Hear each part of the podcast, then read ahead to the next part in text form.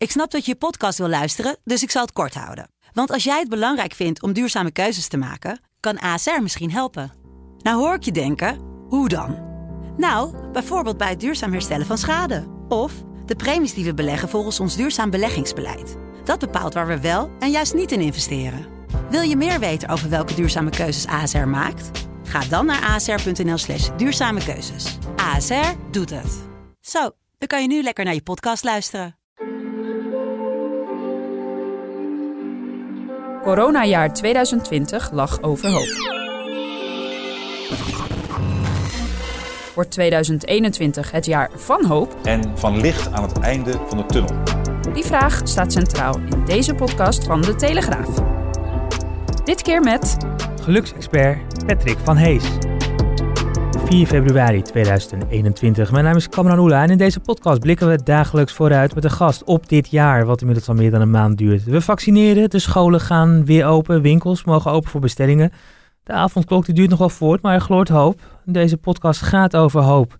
En er komt misschien ook wel een gezonde dosis geluk bij kijken. Het is groot, hoogste tijd om eens te praten met een ware geluksexpert. Eh, iemand die daar ook eh, over schrijft. Vier boeken al geschreven, waaronder eh, de geluksprofessor Patrick van Hees. Goeiedag.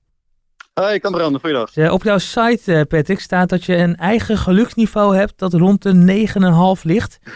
Is dat nog Ja. steeds zo tijdens de coronacrisis? Eh, ja, nog steeds. Ja, zeker. Hoe hou je dat vol? Ja, nou ja, wat ik, wat ik eh, kijk, dat is ook eigenlijk mijn, dat zie ik als mijn taak, hè, om goed te kijken naar wetenschappelijke onderzoeken, maar die te verta- vertalen naar echt praktische dingen. Ja, en ik, ik vind het heel belangrijk dat ik, dat ik dat zelf ook echt in de praktijk ook zelf doe en niet alleen over vertel. En ik denk als ik terugkijk in de coronaperiode, met name ook de eerste twee weken, hè, was ik natuurlijk ook wel even onzeker, hè, van wat gebeurt er allemaal en wat overkomt ons en hoe erg is het. Mhm. Eh, en daarna ja, heb ik toch wel, eh, denk ik, heel ge- geprobeerd van oké, we moeten ook maar accepteren wat we niet kunnen veranderen. En dan eh, proberen zo goed mogelijk door te gaan, waar mogelijk anderen bij te, te staan. En er met z'n allen maar het beste van maken. Ja, en Ja. dat is toch wel, denk ik, een soort basisrecept, ook zeker voor dit soort tijden. Ja, een, soort basisrecept voor, voor dit soort tijden, zeg je. Nou, we, we gaan het, er- we gaan het er gewoon rustig over, over hebben. Laten we eens even beginnen met, eh, met dat, eh, dat Nederland al jaren een van de gelukkigste landen ter wereld is. Hè? Ja, klopt. Eh, ja, waar komt dat eigenlijk door? Nou, kijk, je ziet al jarenlang, hè, dat is ook een heel mooi, echt uitgebreid internationaal onderzoek, hè, het World Happiness Report. En wij staan, wij staan nummer 6 momenteel. Maar al jarenlang staan we echt gewoon heel erg hoog. En er zijn eigenlijk vijf verklaringen voor, zeg maar de vijf belangrijkste. Mhm. Dat is eigenlijk de, geestelijke, de kwaliteit van onze geestelijke gezondheidszorg. Eh, de man-vrouw gelijkheid in Nederland. eh, de democratie, onze welvaart en de kwaliteit van onze overheid. Mhm. Ja, en natuurlijk zijn dat allemaal dingen waar iets op af te dingen is. Hè? Want we kunnen echt wel mopperen op onze overheid en, eh, en de democratie of eh, de wachtlijsten in de geestelijke gezondheidszorg. Maar vergeleken met andere landen, over het algemeen doen wij het gewoon eigenlijk hartstikke goed. En dat draagt toch echt wel bij aan, aan een soort ja, basisvoorzieningenniveau in Nederland. Ja, waardoor we toch wel in ieder geval de om- omstandigheden hebben om gelukkig te kunnen zijn. En dat wil natuurlijk niet zeggen dat iedereen dan ook gelukkig is. Maar gemiddeld genomen zijn wij samen met name met de Scandinavische landen, ja, zijn we echt de wereldtop qua geluk.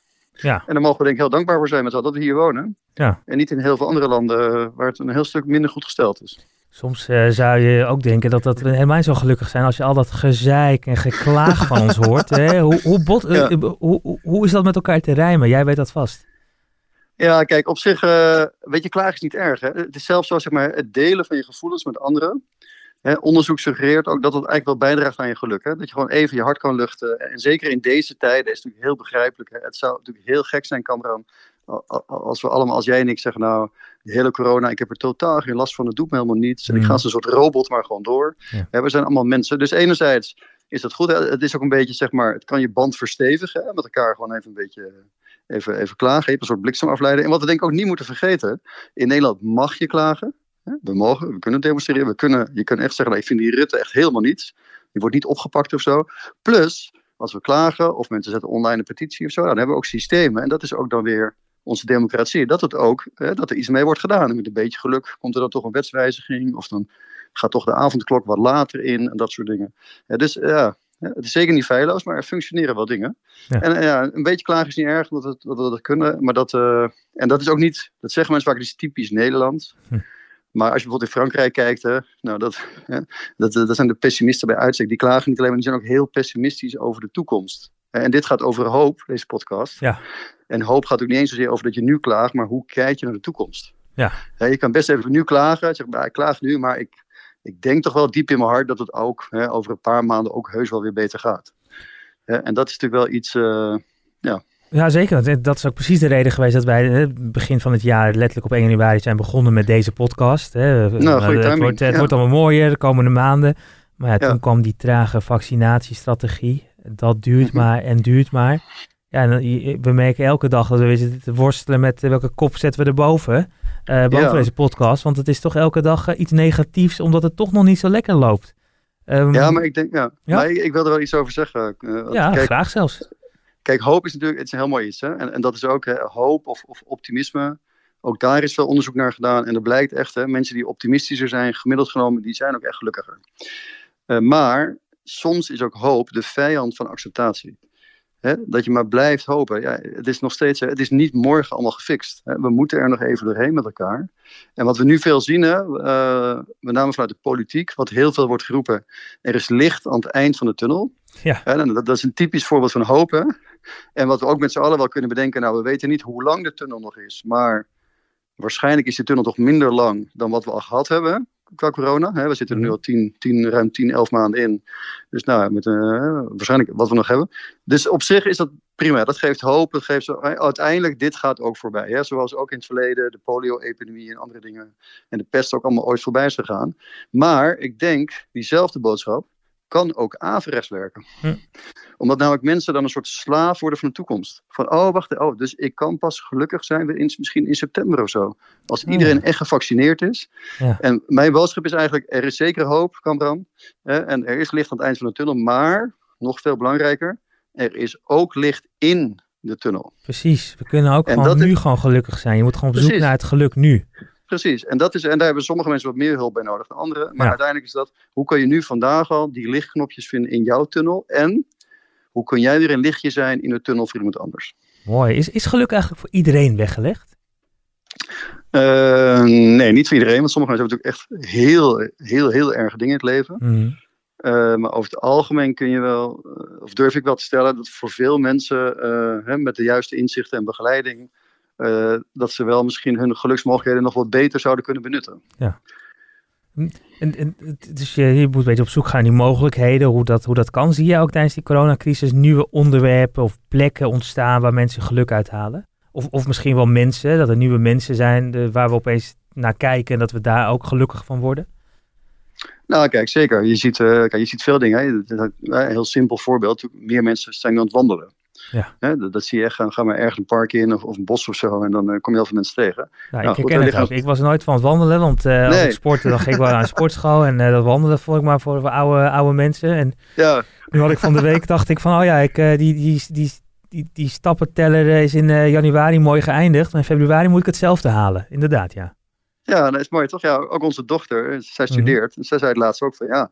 Ik vond altijd zo saai wandelen. hè. Jullie, jullie wandelen. Maar, dus, maar ja, ik heb het nu eigenlijk toch wel ontdekt dat het toch heel leuk is om gewoon eh, door mijn studentenstad eh, te wandelen. Ja. En dat, hè, maar, maar ook tijdens het wandelen kom je ook vaak mensen tegen.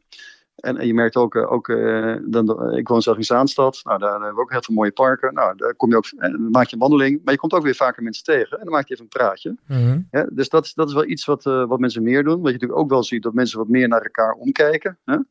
Toch wat meer, ja, toch eventjes bij elkaar checken. Alles nog goed, iedereen nog gezond. Of nog even wat vaker bellen, et cetera.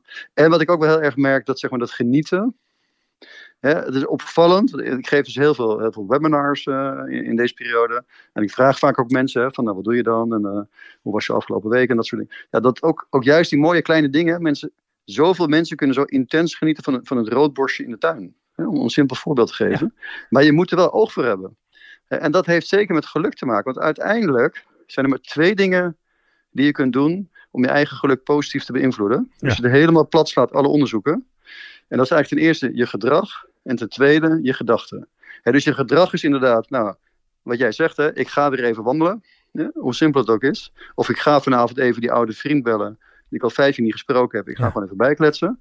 Hè, of ik ga toch even op tijd naar bed. En ik ga niet, maar niet te veel vluchten in alcohol of dat soort dingen. Want dat is korte termijn geluk en vaak lange termijn ongeluk. En Ja. je gedachten.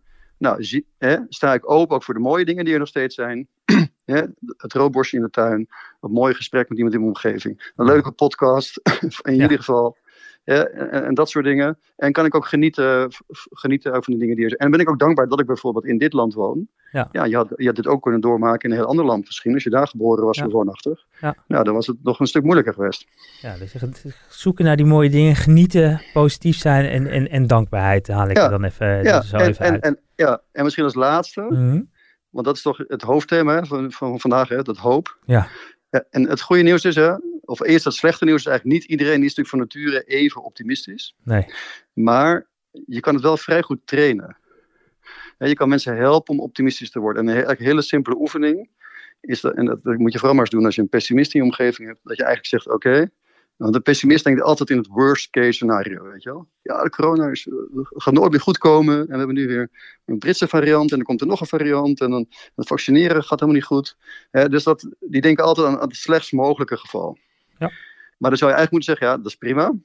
Dat doe je al, kan je misschien niet zo makkelijk tegenhouden, maar denk dan ook altijd aan twee andere scenario's. En nummer twee is dan zeg maar, wat is nou eigenlijk het best mogelijke scenario? Nou, dat eigenlijk hè, op, op een gegeven moment er toch echt een versnelling komt in, de, in die vaccinatie en dat toch blijkt dat we eh, misschien snel groepsimmuniteit hebben en dat we toch eigenlijk sneller dan verwacht al in het voorjaar alweer op het terrasje zitten en dat het allemaal, nou.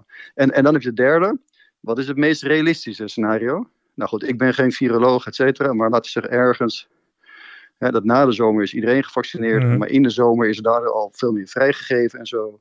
En dan, eh, nou, dat is misschien, hè, als, met de kennis die we nu hebben, een beetje het meest realistische. Nou, en dan kan je vervolgens zeggen, oké, met die kennis, Ja. want het meest realistische, dat gebeurt waarschijnlijk. Wat kan je dan nu al doen om daar rekening mee te houden? Nou, dan kan, hè? Ja. En dan, dan ga je dus je, je gedachten wat meer sturen naar meer andere perspectieven. En je krijgt wat meer gevoel voor controle. Van hé, wat kan ik dan eigenlijk nu zelf al doen? In plaats van dat jij jezelf gaat zien als een soort slachtoffer van de omstandigheden van speelbal, van de omgeving of de overheid.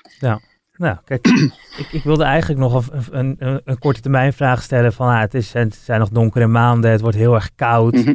Eh, maar ik, ik, terwijl ik- terwijl ik die vraag eh, net lees, want we hebben natuurlijk voorbereid, ik heb het hier op, eh, op, op mijn laptop staan, dus ik denk, ik moet eigenlijk omdraaien. De dagen worden weer langer. Juist. Eh, de- Nou, de- de- de- perfect in het winterse weer kunnen we ook, dat, kunnen we ook hoop uithalen. is mooi, kunnen we misschien nog buiten spelen. Dus eigenlijk, eh, eigenlijk moet het helemaal niet zoals een grauwe wintermaand zien. Het, nee, het- super. de lente Ja. komt eraan. Precies, maar, maar kijk ook maar. Ik bedoel, eh, het is nu al veel langer licht op een dag dan, dan twee maanden geleden. Ja, Toen werd het om half vijf al donker. En Ja. nu, al- nu rond zessen. Ja, en inderdaad, de maanden gaan snel. We zitten volgende maand in maart. Nou, dus dan weer, gaat de lente komen. En dan gaan weer de bomen uitlopen en de bloemetjes. En dat is inderdaad... En het is ook toch vooral, ja... En naar omstandigheden er toch het beste van maken. En dat is natuurlijk echt niet makkelijk. En dat betekent ook niet dat je blind moet overgeven aan alles. Maar dat je Mhm. ook wel dingen moet aanvaarden. Van, ja, je kan je heel erg boos maken. Ja. Maar het is niet 1, 2, 3 weg. En eh, natuurlijk doet de regering misschien ook dingen waar iedereen als een vraagteken bij plaatst. Maar goed, het is ook eh, hè, overall Mhm. gaan we toch een bepaalde kant op. En ze, ze leren ook, ze stellen ook bij. Dus uiteindelijk gaat het ook heus wel goed komen.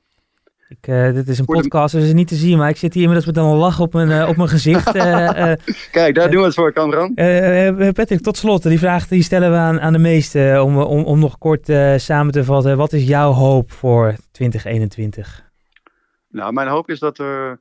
Mijn hoop is vooral dat we eigenlijk deze hele periode gebruiken met elkaar, met z'n allen. Om eens te zeggen, ja, moeten we niet eventjes onszelf helemaal opnieuw uitvinden? Dus niet alleen maar, zeg maar, hè, die red race. En eh, als we weten dat er vier op de, op de tien mensen gewoon zich altijd opgejaagd en gestrest voelen. Hè, als we weten dat het hele schoolsysteem heel erg zit op prestatie. We hebben het nu over leren achterstanden. Dan denk ik, ja, hoezo leren achterstand? Ten opzichte van wie of wat? Mhm. Het is crisis, laat die kinderen gewoon. En laat ze dan misschien even wat meer spelen en wat meer, wat meer sociale vaardigheden ontwikkelen. Of wat meer eh, eenzame bu- buurvrouwen helpen. En dat soort Leer ze pannenkoeken bakken. Ja. En dat we met elkaar zeggen dat die hele prestatiemaatschappij, waarin iedereen maar rent en vliegt en elkaar half voorbij loopt. Dat we dat zeggen met z'n allen. Laten we dat even opnieuw uitvinden. Waarbij we geen roofbouw plegen op onze planeet. Waarbij we meer oog hebben voor de natuur, en voor de cultuur, voor elkaar en voor de kwetsbaren in de samenleving. En dan komen we hier echt sterker, veerkrachtiger en ook gelukkiger uit. Mooi. Dat is eigenlijk mijn hoop voor de toekomst. Kijk, mooi. Dus, eh, wat, en wat er heel mooi bij past is, eh, is volgens mij een van jouw boeken, de Cambridge Happiness Profiler. Daarmee Ja. kunnen mensen ook nog eh, zelf ontdekken hoe het zit met hun geluksprofiel. Ehm, eh, want Ja, ah, dank Patrick van Hees, auteur van, van meerdere boeken die allemaal met geluk te maken hebben. En dus met recht de geluksexpert van, van ons land. Patrick, dankjewel. Heel Eh, graag gedaan en eh, heel veel geluk. ja, nee, eh, dankjewel. en u bedankt weer voor het luisteren. We zijn er nog zeker een paar dagen. Dus morgen weer meer hoop. Tot